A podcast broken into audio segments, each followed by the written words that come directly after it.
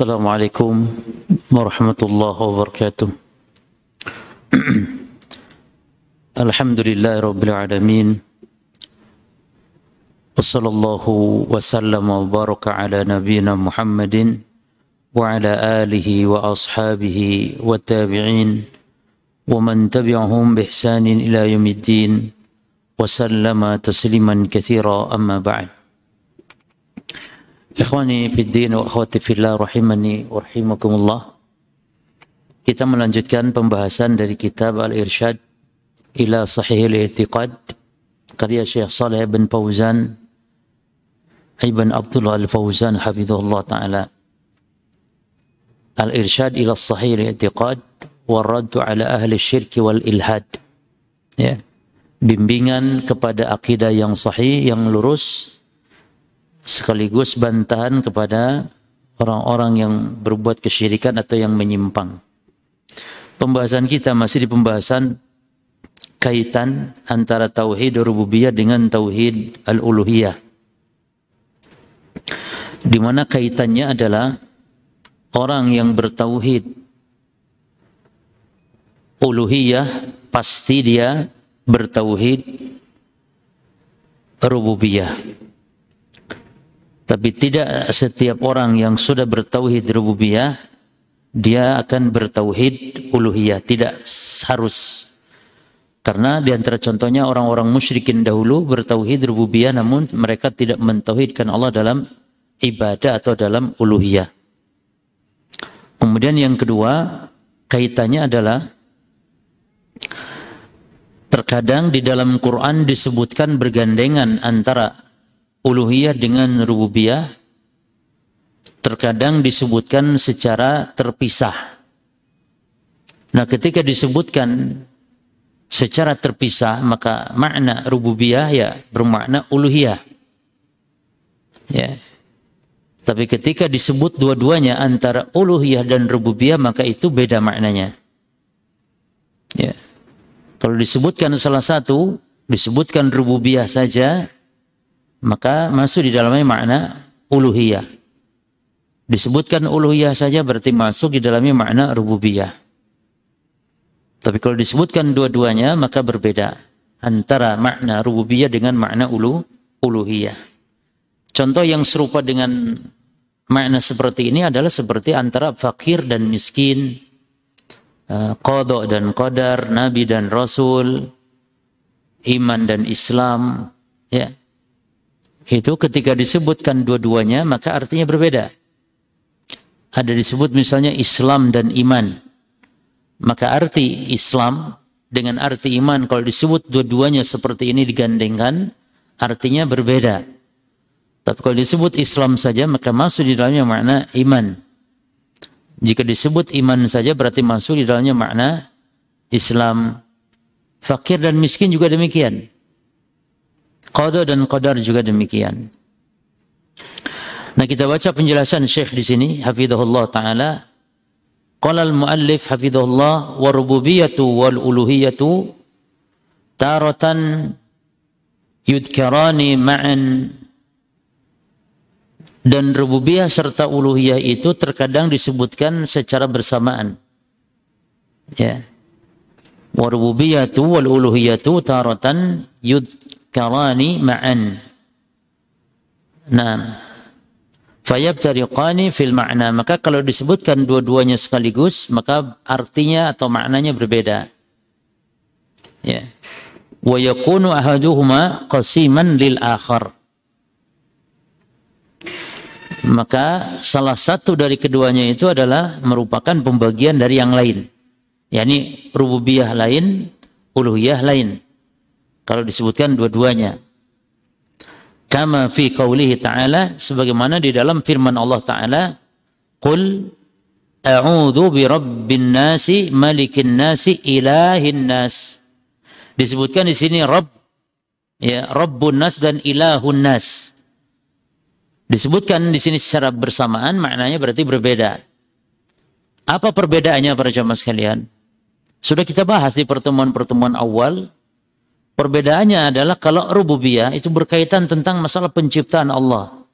Yani Allah yang menciptakan, Allah yang menguasai, Allah yang mengatur. Itu makna Rabb. Adapun makna ilah artinya ibadah. Sesembahan. Ini kalau kita mau bedakan ya. Seperti dalam firman Allah ini, "Qul a'udzu birabbin nas." Katakan Muhammad, aku berlindung kepada Rabbnya manusia. Rabb di sini berarti maknanya Rabb di sini berarti maknanya bukan sesembahan. Tapi makna secara khusus rububiyah.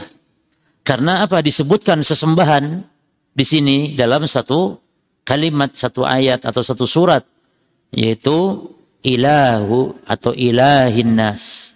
Ya. Jadi Rob di sini, bi nas maknanya pencipta manusia, pengatur manusia, penguasa manusia atau pemilik manusia. Malikin nas yang merajai ini bagian kepada rububiyah, lalu ilahin nas. Nah, ini baru sesembahannya manusia. Yani zat yang berhak diibadahi. Ya. Kenapa diartikan beda? Karena disebutkan bergandengan. Jelas ya? Maka perhatikan kata beliau, fayakunu ma'na rabbi huwa al-maliku al-mutasarrifu fil khalqi. Maka makna Rabb pada ayat ini karena digandengkan dua-duanya dengan makna al-ilah dengan lafad al-ilah, maka menjadilah makna Rabb yaitu al-malik al-mutasarrifu fil khalq. Artinya penguasa, pengatur terhadap makhluk, ya. Pencipta, penguasa, pengatur itu Rabb.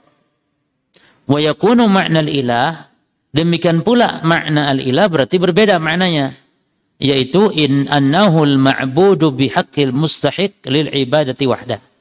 Yaitu dia adalah yang disembah, yang diibadahi dengan benar ya, yang berhak untuk diibadahi semata-mata.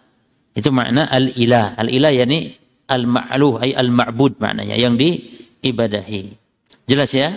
Jadi terkadang disebut bareng. Ilah dan Rob. Atau Rob dan ilah atau rububiyah dan uluhiyah. Maka jika demikian, berarti maknanya beda. Jelas ya. Sekarang, wataratan yudkaru ahaduhuma mufradan anil akhar. Dan terkadang disebutkan, yakni rububiyah atau uluhiyah itu disebutkan hanya ahaduhuma saja, salah satu saja, mufradan saya tersendiri. Anil akhar daripada yang lain. Jadi kalau rububiyah disebut rububiyah saja. Kalau uluhiyah disebut uluhiyah saja. Maka juga demikian fajajtama'ani fil ma'na. Maka jika demikian maka maknanya satu. Maknanya satu. Ya, yaitu apa maknanya? Sesembahan yang telah menciptakan atau Rabb ya yang telah menciptakan yang berhak disembah. Ya. Contoh di dalam pertanyaan alam kubur itu kan yang ditanya tidak man rabbuka wa ilahuka kan tidak begitu ditanya. Hanya satu saja. Man rabbuka. Nah ini berarti kalau disebut cuma satu rububiyah, man rabbuka, siapa Robmu, ini bukan bermakna Tuhan. Tapi siapa Tuhan yang engkau sembah? Itu maknanya. Ya, jadi masuk di dalamnya juga makna uluhiyah. Ini man rebuka itu maknanya siapa zat yang telah menciptakanmu yang engkau sembah. Itu maknanya. Maka orang yang tidak mentauhidkan Allah tidak akan mungkin mampu menjawab. Ya, orang-orang munafik, orang-orang musyrik Orang yang berbuat syirik tidak akan mampu menjawab. Dalam hadis mereka hanya mengatakan ha, ha, ha. Hanya ha, ha, ha. La adri. Ya. Jadi dia hanya mengatakan sami'tu nas yaquluna hadza. Ya. Aku mendengar orang mengucapkan ini. Itu aja, ikut-ikutan mendengar. Makanya pada jamaah tidak ada jaminan orang yang melafatkan la ilaha illallah, la ilaha illallah itu tidak ada jaminan dia akan selamat di akhirat ya karena bisa jadi sekedar melafatkan nggak tahu maknanya nggak tahu hakikatnya nggak tahu konsekuensinya buktinya banyak orang Islam yang melakukan mengucapkan la ilaha illallah namun prakteknya mereka berbuat kesyirikan mereka meminta kepada selain Allah selain meminta kepada Allah Jelas ya. Jadi ucapan semata-mata Anda dianggap. Makanya orang munafik kan mengatakan la ilaha illallah. Tapi orang munafik fidarkil asfali minan nar. Ucapannya sia-sia. Sama halnya orang Islam yang mengucapkan la ilaha tapi tidak tahu konsekuensinya. Apa konsekuensinya? Tidak boleh menyembah kecuali hanya kepada Allah. Konsekuensinya. Tidak boleh berdoa kecuali hanya kepada Allah. Tidak boleh beristighosa kecuali hanya kepada Allah. Tidak boleh bersumpah kecuali hanya dengan menyebut nama Allah. Itu konsekuensi la ilaha illallah. Ya. Taib oleh karenanya di akhirat, di alam barzah, di alam kubur, banyak yang melakukan mengatakan seperti itu. Aku mendengar orang mengucapkan itu, maka aku pun mengucapkannya katanya. Ini sia, ya ini hanya ikut-ikutan, gitu. Hanya ikut-ikutan. Jelasnya jadi pertanyaan man rabbuka itu maknanya berarti siapa zat yang telah menciptakan dan yang engkau sembah. Bukan hanya yang telah menciptakan saja. Karena di situ Rob hanya satu disebut. Tapi kalau disebutkan dua, yakni sekaligus Rob dan ilah, maka terjemahnya berarti ketika ditanya man rabbuka wa ma ilahuka atau wa man ilahuka, siapa zat yang menciptakanmu dan siapa zat yang telah engkau sembah. Nah, baru pertanyaannya dua. Ya. Taib. Jadi wataratan yudkaru ahaduhuma mufradan anil akhar fayajtamani fil ma'na. Kama fi qaulil malakaini lil mayyiti fil qabri. Seperti tadi yang sudah kita sebutkan ya. Sebagaimana tentang atau dalam perkataan dua malaikat, maknanya munkar dan nakir lil mayyit terhadap mayit fil qabri di alam kubur. Alam kubur yakni alam barzakh. Alam barzakh yakni alam antara dunia dan akhirat. Ya. Walaupun alam barzakh ini hakikatnya ya disebut alam akhirat. Hakikatnya ya. Tetapi dia masih belum kalau dari sisi istilah itu belum masuk ke akhirat yang sesungguhnya. Tapi dianggap akhirat, iya karena apa dianggap akhirat? Karena orang sudah tidak lagi mampu beramal. Jangankan di alam barzah hatta manusia ketika sekaratul maut sudah tidak mampu lagi beramal. Maka para ulama mengatakan batasan disebut akhirat ketika sekarat. Orang kalau sekaratul maut sudah masuk ke alamnya. Yang dimaksud dengan alam akhirat walaupun ya secara istilah dia masuk ke alam barzakh. Tapi hakikatnya akhirat. Kenapa alasannya tadi? Sudah terputus amal. Yang kedua dia sudah lihat gaib. Kalau di dunia wajar ya, pasti perkara gaib nggak kelihatan. Tapi kalau kecuali para nabi di antara nabi-nabi ada yang di alam dunia masih meli sudah melihat gaib. Seperti Rasul melihat surga, Rasul melihat neraka, itu biasa di antara sebagian para rasul yang Allah beritahukan, tapi tidak mutlak, hanya beberapa hal gaib yang Allah beritahukan. Kalau kita manusia biasa di dunia nggak bisa melihat gaib ketika sekaratul maut melihat manusia melihat bentuk malaikat yang asli. Ketika dicabut nyawa ya manusia terputus amal pada saat dicabut nyawa. Oleh karenanya dikatakanlah dia secara hakikat masuk ke alam akhirat. Walaupun secara istilah dia alam barzah yakni antara dunia dan akhirat dan bayangkan para jamaah sekalian, kita ini hidup di dunia ya 60 70 tahun. Kurang lebih bahkan ada juga banyak yang di bawah itu. Dan ternyata demikian dekatnya kita ke alam barzah. Buktinya ada orang yang tanpa sebab mati. Ada yang kepleset saja, kepleset mati, pindah alam. Kepleset mati, pindah alam, hanya sekedar kepleset saja. Dan ternyata perpindahan dari dunia dengan perpindahan ke alam barzah itu ternyata di alam barzah lebih lama lagi. Saudara kita, orang tua kita, kakek nenek kita kan sudah ratusan tahun, ada yang lebih, bahkan Rasul para sahabat sekarang sudah 14 abad kan itu. Sementara di dunia cuma 70 60 tahun. Maka ini saja kita jangan ngomong bicara akhirat dulu. kita bicara alam barzah saja, hakikatnya subhanallah, sangat sebentar kehidupan dunia ini. Apalagi dibanding dengan alam akhirat yang kekal abadi. Ya.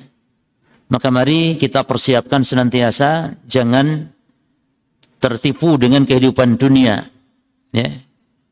Mobil khusus menggunakan kesempatan untuk beribadah, khususnya waktu-waktu seperti sekarang ini. Sepuluh awal ya bulan Julhijjah di mana amalan Allah lipat gandakan ini kesempatan jemaah. Ibaratnya kalau ada pasar ramai, kita tidak jualan rugi. Rugi, orang pada jualan, rugi karena banyak pembelinya. Walillahi masalil ala. Dan ini permisalan yang maha tinggi kalau dibandingkan dengan uh, sifat Allah Azza wa Jal. Jadi Allah memberikan pahala di 10 awal uh, Julhijjah ini tidak seperti di hari-hari biasanya. Ma min ayamin ala man fihinna ahabu ila Allah min hadil ayamil ashar. Tidak ada hari-hari yang amal soleh lebih Allah cintai daripada amalan yang dilakukan dari 10 hari pertama di bulan Julhijjah. Para salafus soleh dahulu mereka sangat mengagungkan 10 yang tiga. Kanu yu'adzibuna salasa asyaratin. Mereka dahulu para salaf sangat mengagungkan 10 yang tiga. Yang pertama al-ashrul awal minal muharram. 10 pertama muharram.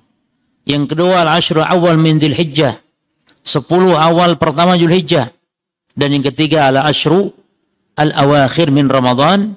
Yang ketiga sepuluh akhir Ramadan. Sepuluh yang tiga ini para salaf dahulu mengagungkannya. Yakni mengkhususkannya. Dengan apa? Dengan ibadah. Kita yang tidak biasa tahajud menjadi tahajud mendadak. Kenapa? Ini sepuluh hari pertama Zulhijjah seperti itu. Yang tidak pernah baca Quran selama ini ayo baca Quran sekarang. Karena ini sepuluh 10 hari pertama Julhijjah. Yang tidak biasa zikir, tidak biasa sholat-sholat sunnah, tidak biasa sedekah. Ini saatnya ya kawan. Berbakti kepada orang tua ini. Kalau belum, lama belum nelpon, telepon segera. Lama belum ngirim uang, kirim segera orang tua sekarang uang. Karena berbakti di hari-hari biasa sangat dianjurkan, apalagi sekarang. Ya. Yang putus dengan kerabatnya, sambung ke kerabatan. Ini saatnya. Ya. Demikian. Ini makna mengagungkannya bukan sekedar diam. Itu tidak mengagungkan. Mengagungkan maknanya ini betul-betul mengisinya dengan berharap ya pahala kepada Allah. Betul-betul mengisi dengan ibadah. Harus beda. Kalau tidak beda berarti tidak mengagungkan. Itu maknanya ya kawan. Kalau kita tidak tidak beda ibadahnya pak, apalagi musibahnya malah lebih parah. Malah maksiat di 10 awal Julhijjah. Ya.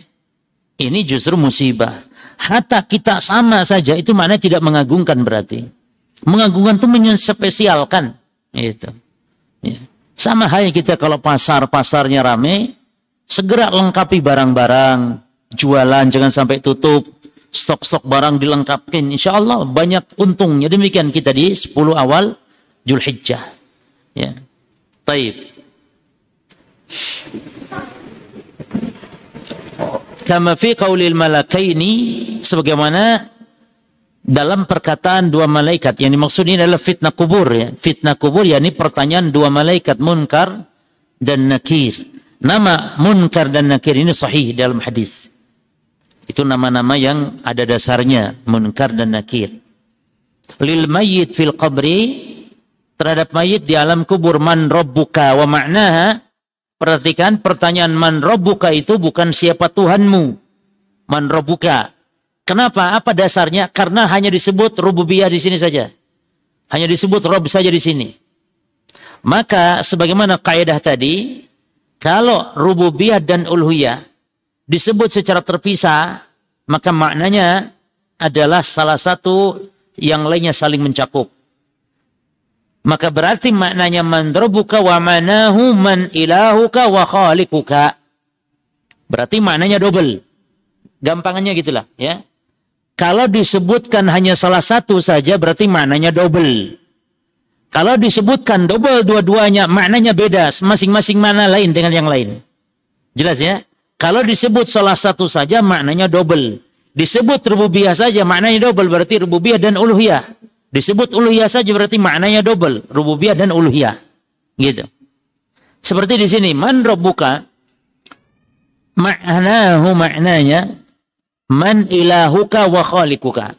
Siapa sesembahanmu yang diibadahi dan siapa satu lagi siapa yang menciptakanmu ya siapa yang menciptakanmu kalau di dunia dia hanya mengakui Allah pencipta tapi tidak mengakui Allah sebagai sembahan yang satu-satunya wajib disembah dia nyembah juga kepada selain Allah maka dia tidak akan mampu menjawab jadi yang mampu menjawab adalah ahli tauhid yang mentauhidkan Allah dalam uluhiyah pasti juga di dalam rububiyah. Karena pertanyaannya dua, man ilahuka wa khalikuka. Dari mana mana ini? Dari kata man rabbuka. Ini contoh ya. Contohnya dengan pertanyaan munkar nakir di alam barzah. Contoh yang lain. Ya ini yang disebutkan cuma rububiyah satu saja tanpa disebut uluhiyah. Banyak dalam Quran. Wa kama fi qawlihi ta'ala. Dan sebagaimana yang Allah sebutkan dalam firman-Nya Qul uh, alladzina alladzina ukhriju min diyarihim orang-orang yang diusir dari kampung-kampung mereka bighairi haqqin tanpa alasan yang benar illa an yaqulu rabbuna Allah kecuali hanya mengatakan Robku adalah Allah. Makna Robku disebut cuma satu di sini rububiyah. Berarti mananya apa? Ha? Rabbuna ay ilahuna wa khaliquna. Maknanya berarti pencipta kami dan sekaligus sesembahan kami. Itu maknanya. Ya. Di sini ada beberapa faedah dalam ayat ini para jemaah. Yang pertama, orang yang berpegang teguh terhadap agama mentauhidkan Allah pasti pasti akan mendapatkan gangguan sebagai ujian ya sebagai ujian. Pasti itu. Tidak ada yang mulus ketika dia berada di atas jalan yang hak. Karena Allah sengaja menciptakan musuh-musuhnya dari kalangan jin dan manusia. Musuh-musuh Allah, musuh-musuh orang yang beriman. Ya. Makanya hatta Nabi kita Muhammad SAW pun diusir para jemaah. Walaupun bentuk gangguan macam-macam, ada yang berat, ringan, tergantung kadar iman. Orang kalau imannya rendah, ujiannya rendah. Coba. Ujiannya rendah. Sesuai dengan kadar imannya. Semakin tinggi imannya, semakin berat ujiannya. Maka yang paling berat tentu para nabi, karena mereka iman yang paling tinggi. Ketika Nabi ditanya siapa yang paling berat bala ujiannya, kata Nabi al-anbiya, summal amsal fal amsal. Kemudian yang semisal dengan mereka dari kalangan orang-orang yang beriman. Bahkan para jemaah sekalian, Nabi pernah bersabda di hadapan para sahabatnya bahwa as-sabir ya, orang yang bersabar gitu dalam agama fi akhir zaman di akhir zaman nanti mendapatkan pahala pahala 50 orang sahabat, 50 orang yakni minkum kata Nabi. 50 orang di antara kalian. Sahabat sempat kaget. Au minhum ya Rasulullah, kata sahabat. Jadi orang yang bersabar, berpegang teguh di dalam agama di akhir zaman, kata Nabi, mendapat pahala itu 50 orang seperti 50 orang di antara kalian. Kata sahabat, au minhum, mungkin di antara mereka, wahai Rasulullah, yakni berpegang teguh di atas agama di akhir zaman, dapat pahalanya 50 kali lipat sesama mereka yang tidak sabar. Maka kata Nabi, bal minkum. Tidak kata Nabi, 50 di antara kalian. Kok bisa begini para jemaah? Masa sahabat kalah sama kita? Hah? Sahabat kalah sama kita ya ini? Syekh Fauzan menjelaskan bukan itu maknanya.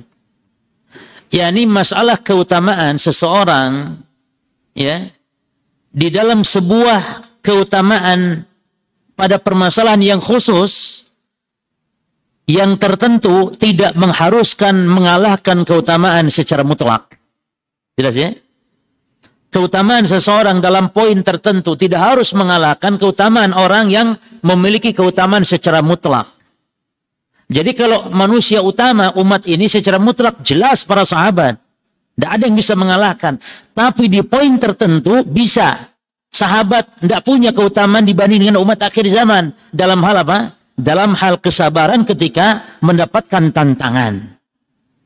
Berat para jemaah. Maka Nabi sampai begitu. Berat di akhir zaman kita ini. Di mana fitnahnya lebih besar, ya, ujiannya juga lebih besar. Di mana kalau di zaman Rasul, para sahabat ketika mendapat gangguan, masih bisa ngadu gitu kepada Rasulullah SAW. Bisa jadi wahyu turun untuk membelanya. Sekarang siapa yang akan membela? Rasul sudah tiada, yang ada hanya warisannya saja. Contoh yang gampang, jemaah. Contoh yang gampang. Antara sahabat-sahabat, di antara yang mutlak paling muliakan Abu Bakar. Betul? Tapi di poin tertentu Abu Bakar bisa kalah oleh Ali, tapi di poin tertentu. Adapun kalau secara mutlak Ali bin Abi Thalib nggak bisa mengalahkan Abu Bakar. Utsman juga nggak bisa mengalahkan Abu Bakar, tapi di poin tertentu bisa jadi Utsman lebih afdol dari Abu Bakar hanya di poin tertentu. Nah, itu makna kita sekarang. Jadi sekarang kita diberi pahala 50 orang sahabat bukan berarti kita lebih afdol dari sahabat, bukan. Tapi dalam hal uh, fitnah-fitnah di akhir zaman yang berat, kita diutamakan oleh Allah dengan diberi pahala yang lebih dari para sahabat. Kalau para ulama mengatakan tadi Syekh Fauzan di antaranya hafizallah mengatakan karena kalau di zaman Rasul para sahabat bisa ngadu kepada Rasulullah. Rasulullah ada wahyu kadang langsung turun membela. Adapun kita sekarang jauh dari kenabian, semakin berat tentu fitnah karena zaman semakin bertambah bukan semakin baik. Ya. Sebagaimana kata Nabi bahwa zaman semakin bertambah semakin buruk kondisinya, yakni keadaan fitnah. Tentu kita pun nah, yang akan dialami oleh anak cucu kita nanti pun akan lebih berat daripada yang dialami oleh kita. Maka kalau kita lihat semakin hari fitnah-fitnah semakin besar. Kesesatan, penyimpangan, ya, fitnah syubuhat atau fitnah syahwat. Itu lebih besar lagi jemaah. Fitnah syahwat dulu ketika belum ada media ya, paling melalui gambar-gambar dan tidak semua orang bisa menyaksikan. Sekarang ya, di tangan kaum muslimin sudah bisa melihat segalanya yang rusak-rusak, fitnah syubhat, fitnah syahwat maka semakin berat ya, semakin berat fitnah. Taib. Terus pelajaran dari ayat ini orang-orang yang diusir disebutkan dengan cara yang tidak benar. Berarti mengusir orang yang ada di jalan Allah ya itu adalah perbuatan perbuatan zalim. Karena yang diusir itu memang harus dalam keadaan benar, ada alasan yang benar. Perhatikan min diarihim bi ghairi tanpa hak yakni tanpa alasan yang benar ya kecuali apa? Diusirnya hanya mereka mentauhidkan Allah mengatakan Allah adalah ilah Allah adalah sesembahan kita. Maka rata-rata sekarang juga demikian keadaannya ya. Dimusuhi orang yang bertauhid mentauhidkan Allah subhanahu wa ta'ala. Enggak ada alasan lain kecuali karena kita bertauhid. Mereka membenci kita bukan karena kita kurang dermawan atau pelit, tidak. Hatta sedermawan apa pun, sebaik apa pun, tetap mereka membenci karena mentauhidkan Allah subhanahu wa ta'ala. Ya. Ingat jemaah, Rasul saja yang sudah demikian bagus akhlaknya, agung akhlaknya, tetap diusir. Gitu. Kebencian mereka bukan kepada Rasul ini pelit, ya. atau Rasul ini kasar, mereka mengakui akhlak Nabi sallallahu alaihi wasallam. Mereka mengakui keamanahan Nabi sallallahu alaihi wasallam. Tapi kenapa demikian sengitnya mereka membenci Nabi dan para sahabat? Karena Nabi dan para sahabat mentauhidkan Allah sementara mereka tidak suka. Ya. Sama hanya sekarang. Maka wajib kita bersabar. Jadikan hiburan ya. Penderitaan Nabi itu jadikan hiburan bagi kita. Bukan berarti kita senang gitu. Nabi menderita bukan. Jadikan hiburan maknanya yakni Nabi saja ya diusir, dihina, dicaci maki, dilempari batu dan semisal, maka tentu kita lebih pantas lagi. Karena kita terkadang salah dalam dakwah. Mungkin kita kurang akhlak dalam dakwah. Sementara kalau Rasul, Masya Allah. Tapi walaupun demikian beliau tetap ya, mendapat gangguan. Nah, illa an yakulu rabbun Allah. Kecuali mereka hanya mengatakan Rabbu sesembahanku adalah hanya Allah. Baik wa qawlihi ta'ala dan juga contohnya dalam firman Allah taala qul aghairallahi rabban ya katakanlah ya Apakah selain Allah yang aku harapkan Rabban sebagai Rabb? Nah, Rabb di sini maksudnya bukan hanya pencipta tapi sesembahan. Karena disebutkan hanya satu, yaitu rububiyah. Wa qawlihi dan juga sebagaimana dalam firman Allah contohnya dan ini banyak, ini hanya sekedar contoh ya di sini jemaah. Bukan pembatasan cuma tiga, bukan. Banyak ayat di Quran yang menyebutkan Rabb. Ya, seperti Rabbana, Rabbana, Rabbana. Maka antum ketika mengatakan Rabbana, itu maknanya bukan Tuhan saja, bukan, bukan pencipta saja, bukan. Tapi maknanya, wahai pencipta, wahai yang telah menciptakan kami, yang mengatur segala urusan kami, dan wahai sesembahan kami. Itu makna Rabbana. Ya. Maka tidak perlu untuk mengatakan Ya Rabbana atau Ya Ilahana. Tidak digabungkan. Nggak usah. Cukup Rabbana sudah tercakup makna Ilahana. Wahai Rabb dan sesembahan kami. Taib innal ladina qalu rabbuna Allah. Ini. Sesungguhnya orang-orang yang mengatakan Rabb kami adalah Allah summastaqamu kemudian mereka beristiqamah. Istiqamah yakni luzumu ta'atillah, luzum ta'atillah ya azza wajal. Istiqamah maknanya senantiasa di atas ketaatan. Ya. Dan istiqamah diperintahkan hukumnya wajib. Allah berfirman, "Fastaqim kama umirtu." Beristiqomahlah engkau Muhammad sebagaimana yang aku perintahkan. Ya. Ayat ini terasa berat oleh Nabi sallallahu alaihi wasallam. Ini surah uh, Hud ya ayat 112. Surah Hud di mana di situ Allah memerintahkan nabinya sallallahu alaihi wasallam untuk beristiqamah. Kata Abu Bakar di antara ayat uh, Ibnu Abbas ya. Ibnu Abbas mengatakan ayat yang paling berat terasa ya turun kepada Nabi adalah ayat perintah istiqomah ini. Bahkan di antara sebab Nabi beruban adalah karena ayat ini. Abu Bakar pernah tanya, Shibta ya Rasulullah. Engkau telah mulai nampak beruban wahai Rasulullah. Maka kata Nabi, Naam, syaibatni hudun wa akhwatuha. Yang membuat aku beruban surat Hud dan yang semisalnya. Yani uban. Rasul tumbuh karena takut berat ya. Maka betul ya kawan uban itu karena sebab pikiran di antara sebabnya. Ya selain karena faktor usia juga karena faktor pikiran maka orang yang banyak pikirannya pasti juga di antaranya sebab banyak ubannya demikian di antara sebab cuman pikiran itu muncul ya tergantung kalau Rasul kan berpikir tentang masalah apa masalah perintah Allah kekurangan-kekurangan dalam beribadah kepada Allah. Para beliau adalah manusia yang paling sempurna ibadahnya. Nah, tentu berbeda dengan kita. Kalau kita beruban kadang-kadang hanya mikirnya duit, eh, mikir beras, sulit mencari apa kehidupan. Eh, kalau kita demikian, pusing banyak utang, beruban. Enggak mikir akhirat ya mah. Enggak mikir. Kalau Rasul mikir akhirat membuat beliau beruban. Nah, itu pun hanya beberapa lembar saja. Para sahabat menghitung ubannya Nabi hanya belasan saja. Belasan ya. Tidak puluhan goyawa dewe cuman.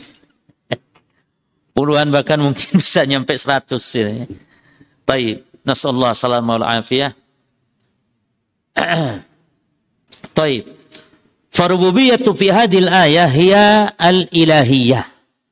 Maka rububiyah maksudnya perkataan Rob, Rob, Rob gitu ya. Dalam ayat-ayat di atas alladzina ukhriju min diyarihim bighairi haqqin ila yaqulu rabbunallah pada lafad rabban pada lafad rabbunallah rabb situ maknanya sesembahan kenapa dimaknai sesembahan bukan pencipta karena disebutkan hanya salah satunya saja. Ya. Jadi masuk di dalamnya makna ilah sesembahan. Dan ilahiyah ini jamaah perhatikan. Walladzi da'at ilaihi rusulu. Dan yang diseru oleh para rasul kepada dua dari jenis tauhid ya minan naw'aini huwa tauhidul uluhiyah ya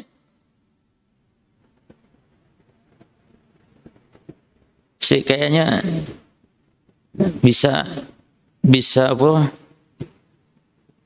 bisa pakai oret-oretan sih saya punya pulpennya Nih. Yo piye caranya yo? Isa ya.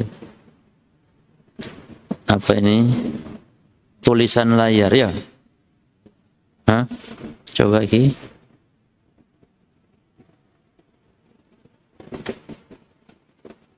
Oh, mantap. Iya.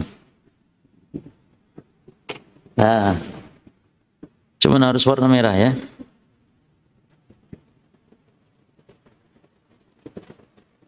Yes, Ya wis.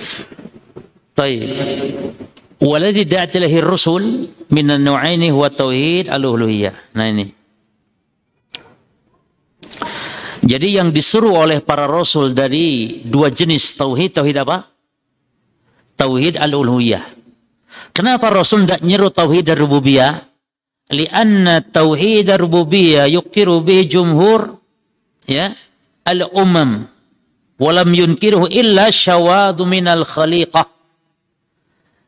Karena kalau tauhid rububiyah itu ditetapkan ya ditetapkan oleh jumhur. Jumhur itu oleh kebanyakan dari umat yakni umat umat manusia. Walam yunkirhu illa syawadun minal khaliqah. Dan tidak ada yang mengingkarinya kecuali syawad. Syawad ini kecuali orang yang aneh orang yang ganjil, eh, ganjil, syawat, orang yang nggak normal, nggak waras gitu. Ya, itu makna syawat. Kecuali orang yang aneh, ganjil, nggak waras. Minal khaliqah dari makhluk. Ya, pasti mengingkari Tuhan, pencipta. Adapun secara umum manusia menetapkan secara umum ada pencipta, penetapan rububiyah, hatta iblis cuma. Berarti iblis itu masih punya Enggak disebut syawat iblis itu. Orang ateis itu berarti lebih buruk daripada iblis. Iblis saja masih menetapkan adanya Tuhan yang menciptakan, menghidupkan, mematikan. Ya. Orang-orang ateis yang dikatakan anti Tuhan walaupun hanya mulutnya saja tapi dia lebih buruk dari iblis gitu jemaah. Ya. Ankaruhu fi perhatikan di sini ankaruhu fi dhahiri faqat Nah, mereka mengingkarinya di dalam dohir, yakni mulutnya saja. Ya.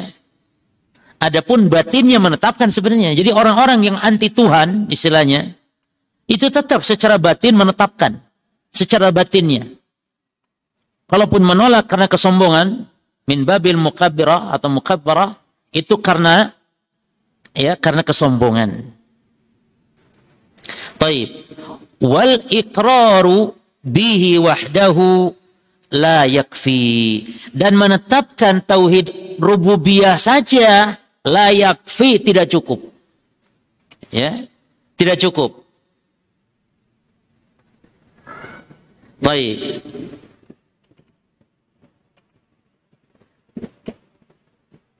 baik tidak cukup faqad aqarra bihi iblisu karena iblis pun menetapkan rububiyah. Mana dasarnya qala? Iblis berkata, yakni Allah berfirman menghikayatkan perkataan iblis. Taib jemaah. Kita pernah menyaksikan ada dialog ya pertanyaan dari orang-orang Nasrani. Katanya Allah itu Allah itu berbahasa Arab atau apa gitu, gitu. Maka jawabannya apa jemaah? Allah itu berbahasa tergantung makhluk kaum menggunakan bahasa itu sendiri. Ini Allah itu maha maha berkuasa untuk berbicara dalam berbagai lugat, dalam berbagai bahasa. Karena tidak setiap nabi orang Arab, bahkan nabi Arab cuma empat orang, jemaah. Jadi ketika Allah dalam Quran berfirman, berfirman dalam Quran, wa Ibrahim dan ingatlah ketika Ibrahim berkata, Ibrahim di Quran bahasanya Arab, bukan. Ibrahim itu bukan bahasa Arab. Ibrahim bukan orang Arab. Ibrahim tidak berbahasa Arab. Hanya saja Allah menceritakan Ibrahim kalau ngomong dalam bahasa Arab seperti itu ucapannya. Jelas ya? Dan jangan diartikan lagi, oh berarti Allah menerjemahkan ucapan Ibrahim. Tidak menerjemahkan. Allah berbicara dengan bahasanya Ibrahim. Sebagaimana Allah berkuasa untuk berbicara dengan bahasanya Muhammad SAW yang notabene orang mana? Orang Arab. Masya Allah bicara dengan Nabi Muhammad menggunakan bahasa Madura misalnya. Tak mungkin. Karena Rasul orang Arab maka Allah bicara bahasa Arab dan itu bahasa yang terbaik di dunia. Itu. Jadi kalau lo kok aneh katanya masa di dalam Quran Ibrahim berbahasa Arab. Katanya Ibrahim bukan orang Arab. Buk, memang asalnya tidak berbahasa Arab.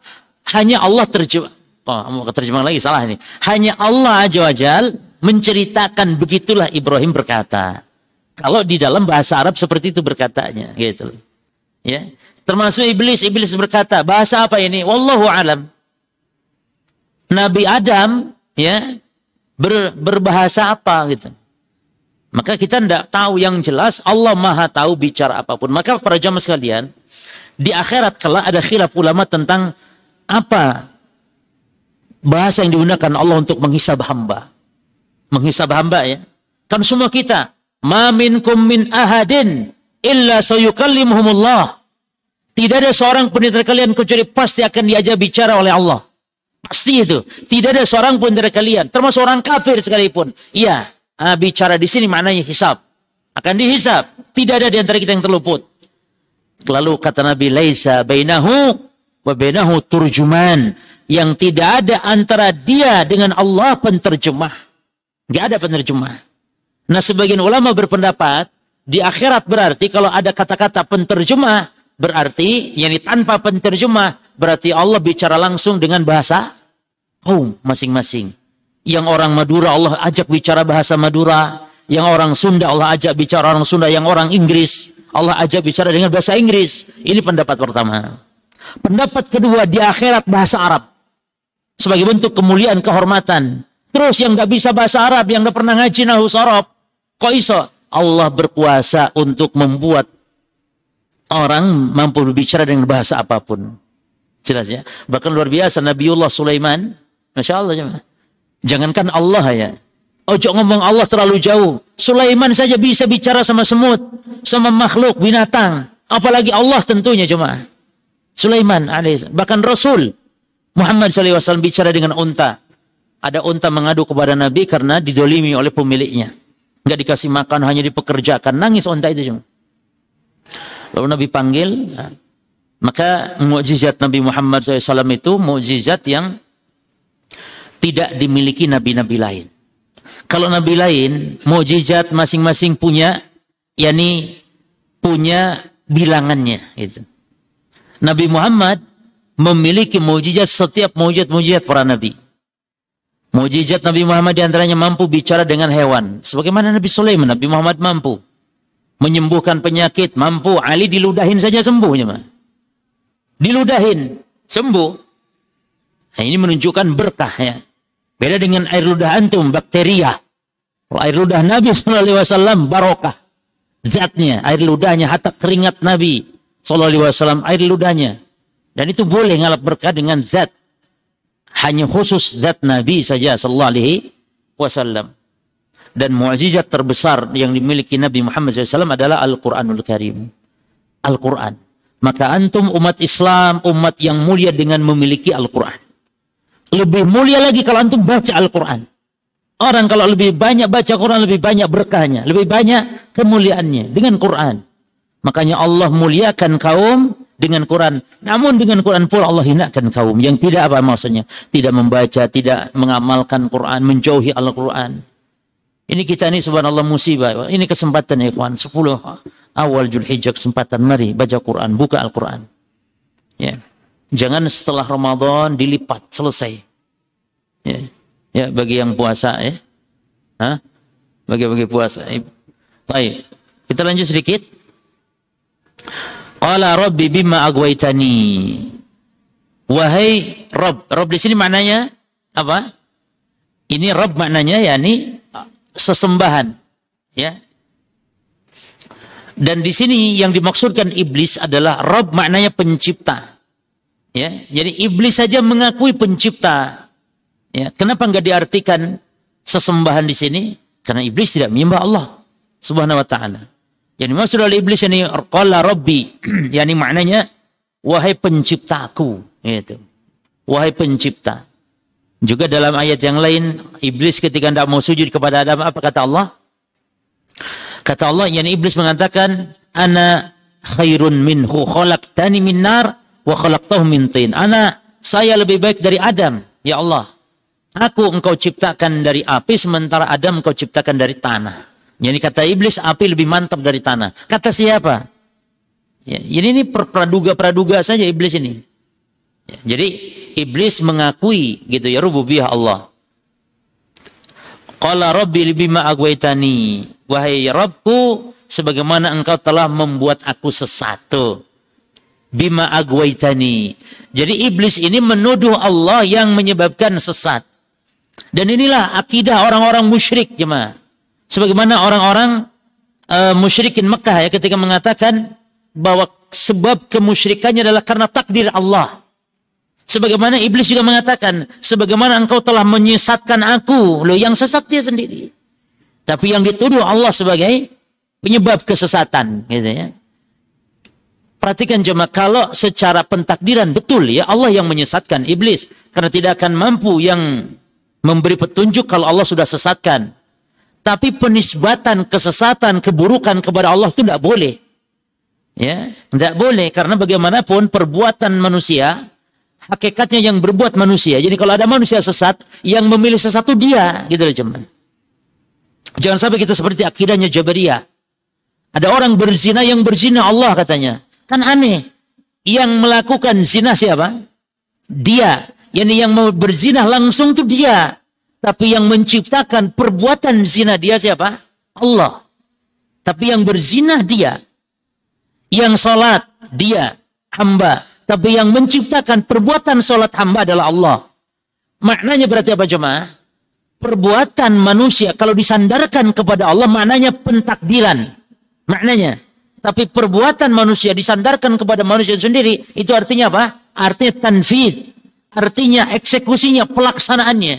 Maka yang berzina adalah manusia, yang sholat adalah manusia. Yang beramal manusia.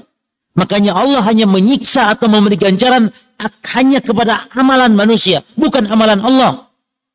Jadi yang disandarkan kepada Allah perbuatan manusia itu Allah yang ciptakan, maknanya pentakdiran, Allah yang takdirkan ia. Maka secara adab jemaah tidak boleh mengatakan ya bahwa keburukan ini yang engkau ciptakan misalnya nggak boleh atau babi sebagai makhlukmu ya Allah atau Allah itu Tuhannya babi. Nggak boleh. Secara lisan pengucapan penyandang itu keburukan. Karena babi makhluk yang hina. Keburukan juga adalah buruk kalau disandarkan kepada Allah. Tapi dalam hal keyakinan, yakini. Yang menciptakan babi adalah Allah. Yakini yang menciptakan keburukan adalah Allah. Ya. Baik. Wa aqara bil musyrikun alladhina ba'atha fihim Rasulullah sallallahu alaihi wasallam. Dan juga orang-orang musyrik yang di menetapkan juga rububiyah Allah itu orang-orang yang Nabi diutus kepada mereka ya. Kama ala dzalikal ayatu al bayyinatu sebagaimana yang telah ditunjukkan atas hal itu oleh ayat-ayat yang jelas kama qala ta'ala sebagaimana Allah taala berfirman tentang orang-orang musyrikin wala in sa'altahum man khalaqahum la yaquluna Allah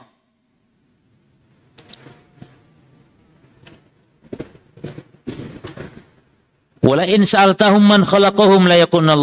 Dan jika mereka ditanya oleh Muhammad, man khalaqahum, siapa yang telah menciptakan mereka, maka mereka pasti ya. Di sini ada nun taukid di sini nih, nih nun taukid ini nih layakul. Nah ini tasdid. Jadi terjemahannya di sini pasti ya. Mereka pasti akan mengatakan Allah.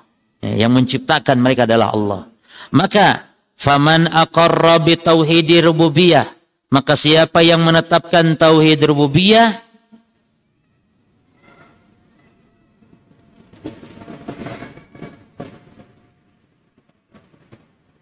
Oh hilang ini piye ini. Taib.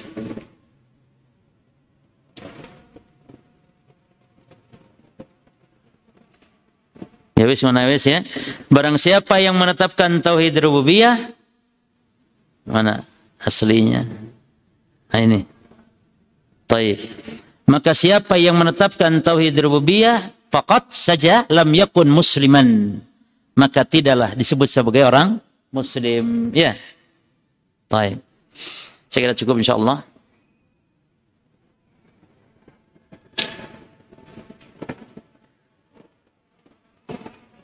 Nah, sampai mana sampai sini ya? Nah. Baik. Hada Allah taala alam subhanakallahumma bihamdika asyhadu an la ilaha illa anta astaghfiruka wa atubu ilaik. Assalamualaikum warahmatullahi